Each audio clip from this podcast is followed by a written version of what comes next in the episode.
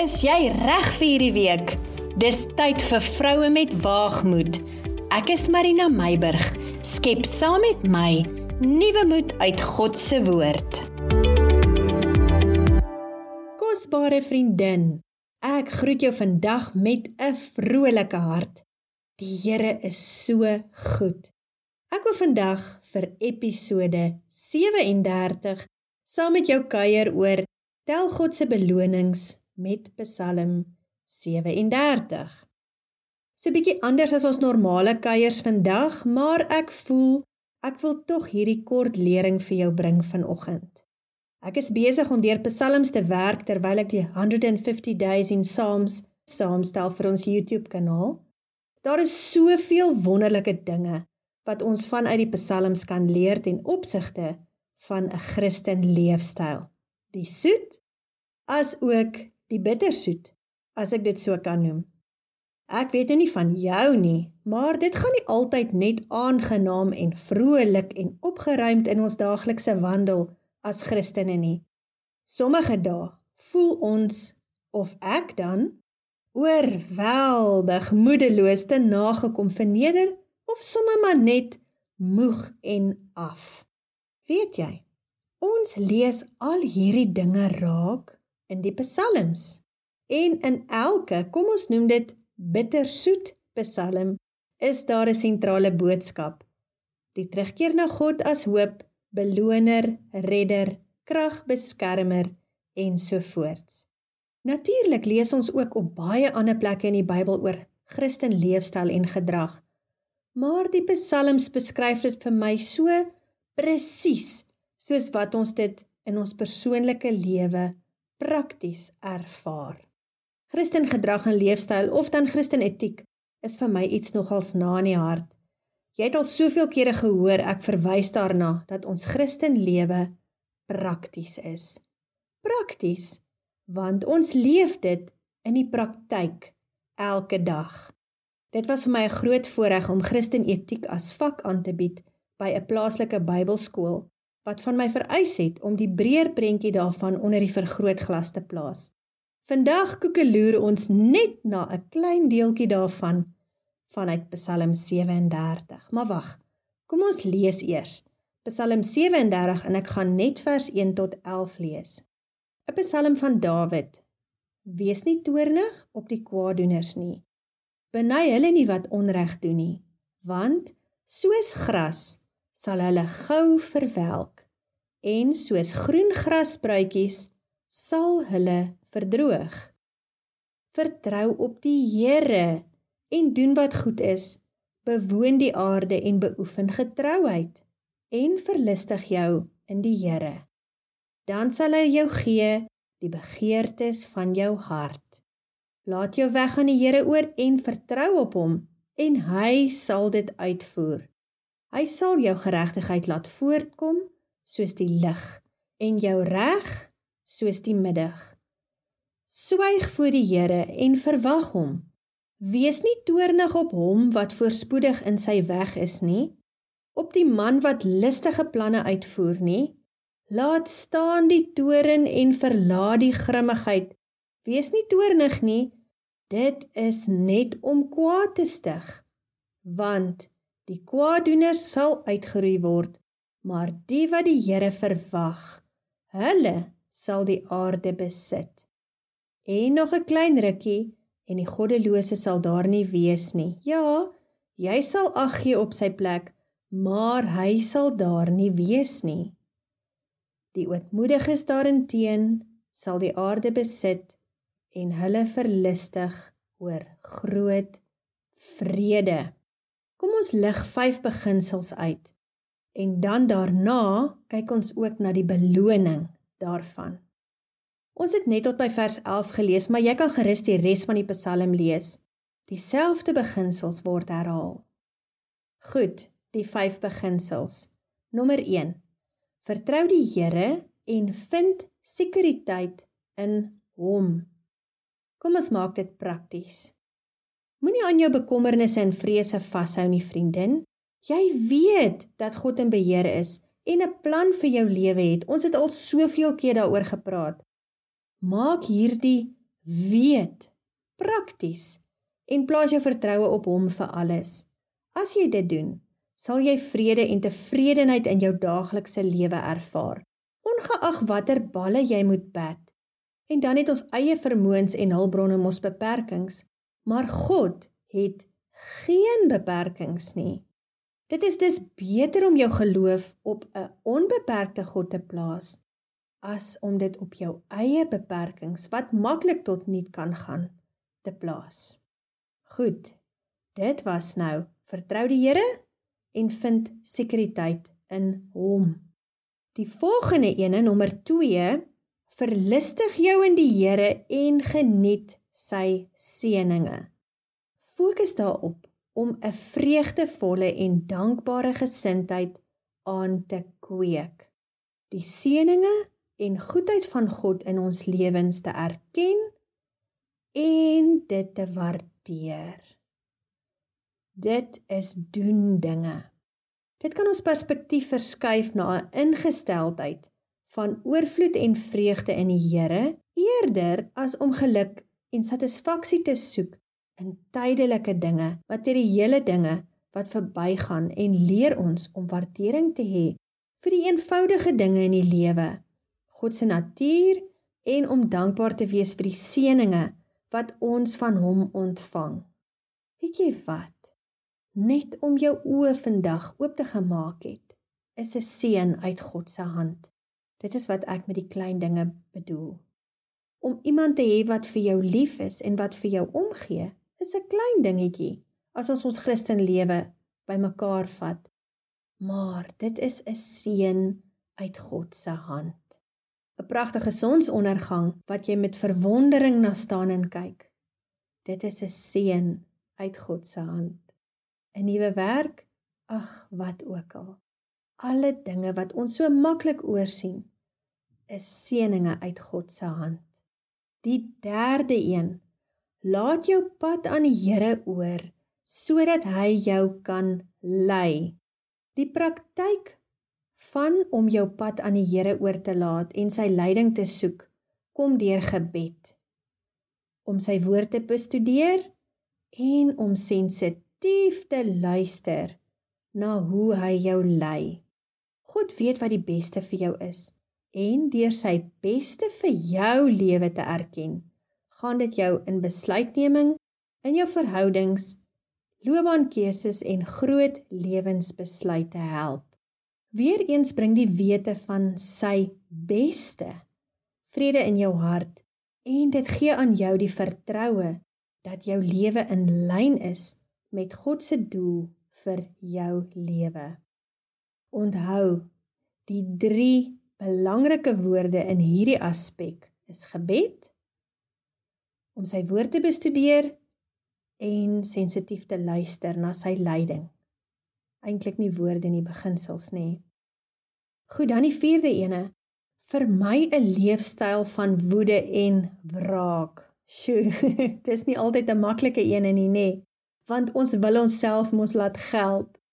Wel, ons het nie beheer oor hoe ander ons hanteer en die situasies waarin ons beland nie. Maar soos jy weet, het ons die keuse oor hoe ons daarop gaan reageer. Kwaad word is nie verkeerd nie, maar 'n leefstyl van woede en wraak vir almal en teenoor alles strook nie met Christen karakter nie. Leer jouself om in sulke situasies eerder geduld, begrip, selfbeheersing en vergifnis as jou aanvalstegniek te gebruik. My oupa het altyd gesê, ag hy's al jare oorlede, Hy het altyd gesê: "Leef en laat leef." Dit pas so mooi in by hierdie beginsel. Weet jy, as ons dit kan regkry, dan gaan ons verhoudings verbeter. Dit gaan vrede in ons harte bewerkstellig, maar ook vrede onder mekaar. En natuurlik ook emosionele heling vir jouself en vir ander tot gevolg hê. So dis 'n goeie ding om 'n bietjie terug te hou op daai woede en veral wraak. En dan die laaste beginsel wat ek gou met jou oor wil gesels, soek vrede en jaag geregtigheid na. Ons kan in vrede en harmonie met ander mense saamleef. Ons kan konflik vredevol oplos en ons kan regverdig wees in ons interaksie en besluite. Dis 'n keuse, vriendin.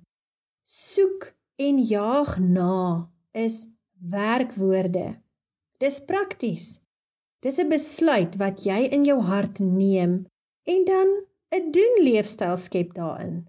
Kom ek en jy wees agente vir vrede en versoening en bevorder regverdigheid en gelykheid om sodoende vervullende en gesonde verhoudings te bou terwyl ons ook daardeur 'n positiewe bydrae maak in die samelewing.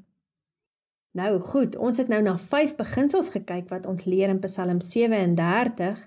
Kom ons kyk nou na 4 belonings wanneer ons hierdie beginsels toepas. Wel eintlik ook 5. Nommer 1 of die eerste beloning erfdeel van die land en om daarin te woon vir ewig. Dit is die eerste beloning. Weet jy, ons kan hierdie beloning interpreteer as 'n geestelike erfenis. As kind van God is daar vir jou en my 'n erfenis as erfgenaam van God die Vader. Hierdie is nie 'n fisiese erfenis nie, maar 'n ewige geestelike hemelse erfenis vir elkeen wat Jesus Christus as verlosser en saligmaker aangeneem het. Die ewige beloning van die wie God getrou dien.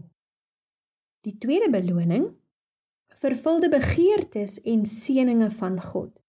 Psalm 37 vers 4 moedig ons aan om eerstens ons te verlustig in die Here. Met ander woorde, om hom te geniet en dan die belofte dat God ons begeertes sal vervul. Het jy al so daaroor gedink dat jy jou verhouding met die Here geniet? Dis mos lekker om die Here te dien. Ja, partykeer het ons moeilike dinge oor ons pad, maar dit bly lekker om die Here te dien. Dit is wat ons bedoel met verlustig. Ek wil net dadelik onderskeid tref tussen die vleeslike en geestelike begeertes. Ons is mos nou nie by prosperity teaching nie, nê? Die beloning in hierdie konteks verwys nie na materiële welvaart nie, maar eerder om die seëninge wat voortspruit vanuit 'n naby verhouding met God te geniet, soos geestelike vervulling, innerlike vrede, vreugde en God se teenwoordigheid in ons lewe. Die derde ene sien God se oordeel en verlossing van die goddelose.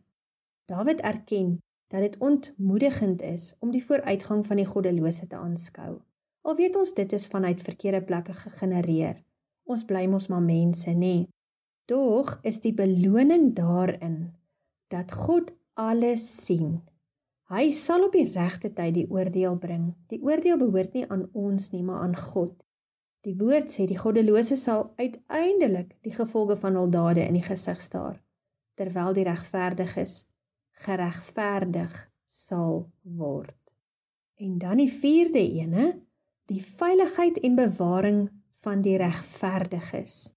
Die psalmdigter, dis nou Dawid, verseker dat God diegene wat aan hom toegewyd is, sal onderhou en ondersteun, selfs in tye van moeilikheid en teëspoed.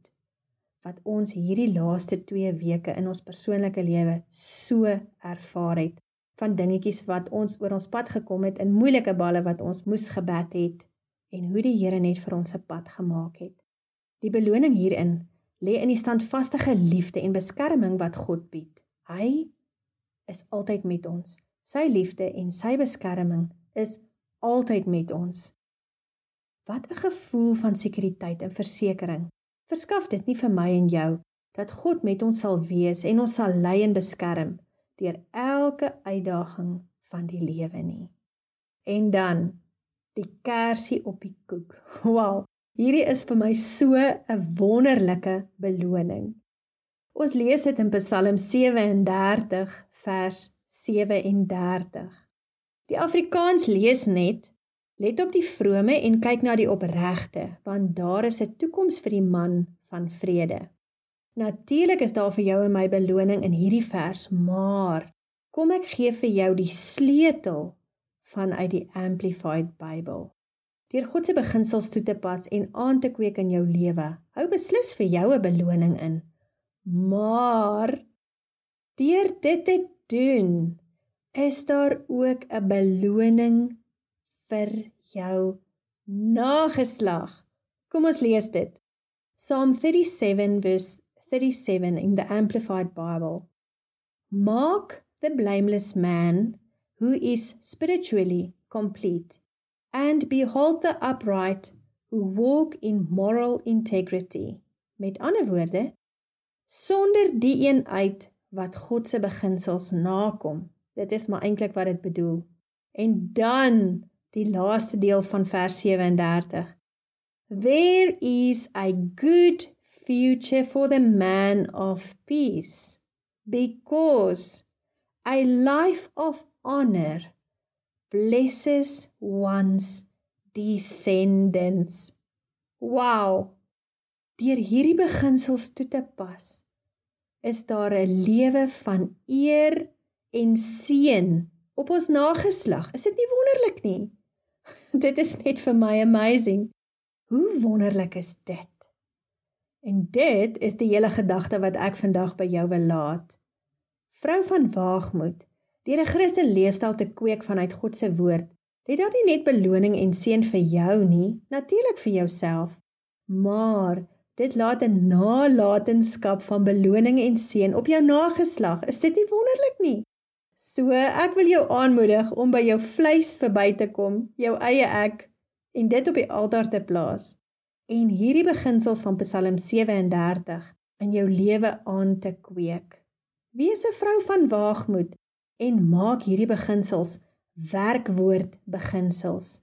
Praktiese werkwoord beginsels en werk daarmee in jou lewe. Dit is nie net tot jou eie voordeel nie, maar ook tot voordeel van jou nageslag. Mag jy 'n wonderlike en 'n geseënde week hê.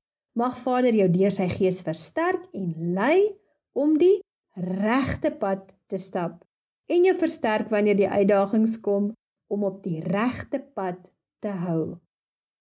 Seën en vrede. Ons kuier volgende week verder.